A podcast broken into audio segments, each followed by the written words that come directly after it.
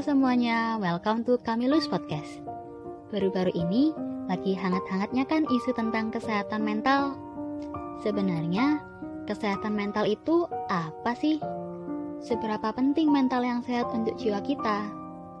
Oke, sebelum ke situ, aku kenalan dulu ya. Kenalin, nama aku Angela Sulistiawati, biasa dipanggil Angel.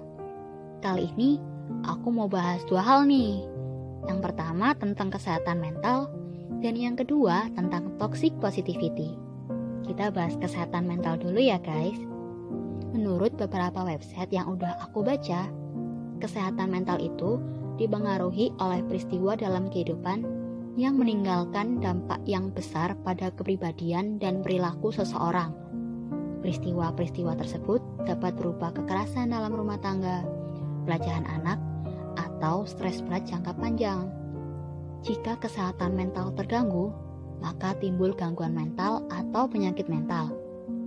Gangguan mental dapat mengubah cara seseorang dalam menangani stres, berhubungan dengan orang lain, dalam mengambil keputusan, dan memicu hasrat untuk menyakiti diri sendiri.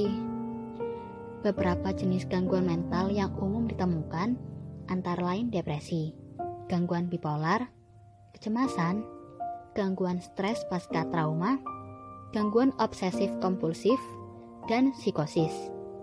Beberapa penyakit mental hanya terjadi pada jenis pengidap tertentu, seperti postpartum depression, yang hanya menyerang seorang ibu setelah melahirkan.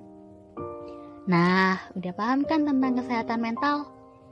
Yang perlu teman-teman ketahui, salah satu faktor yang mempengaruhi kesehatan mental itu toxic positivity loh.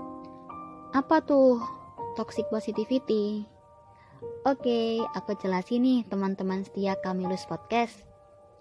Jadi, menurut beberapa sumber literatur yang udah aku baca ya, toxic positivity itu ketika seseorang terus-menerus mendorong kita yang lagi ada masalah untuk melihat sisi baik dari kehidupan tanpa pertimbangan pengalaman yang kita rasakan, atau tanpa memberi kesempatan kita untuk meluapkan apa yang kita rasakan. Saat seseorang sedang tertekan atau berduka, lalu memaksakan diri untuk tetap positif dan mencoba berpura-pura senang, yang kemungkinan terjadi adalah seseorang menyalahkan diri sendiri karena tidak sesuai ekspektasinya. Menyalahkan diri sendiri bisa berujung dengan rasa kecewa akibat harapan yang tidak tercapai. Akhirnya, malah memperburuk perasaan negatif dalam diri seseorang. Ketika mereka terus berkata bahwa aku itu orang yang menyenangkan, atau berfokus menyangkal hal-hal jelek tentang diri mereka, secara nggak langsung mereka memanipulasi perasaan diri sendiri yang berujung dengan terobsesi. Contohnya nih guys, berdasarkan pengalaman aku ya, aku mau cerita dikit nih. Aku pernah kan ngeluh capek karena nugas ke teman aku. Waktu itu masih maba nih. Terus dijawab deh, biasalah, namanya juga mahasiswa, pasti banyak tugas. Bersyukur aja bisa kuliah. Banyak loh yang pengen kuliah tapi nggak seberuntung kamu. Toh mahasiswa lain bisa, masa kamu enggak sih? Dapat jawaban kayak gitu, Akhirnya sesuai yang udah aku jelasin tadi, aku berusaha deh untuk berpikir positif. Berekspektasi yang baik deh pokoknya.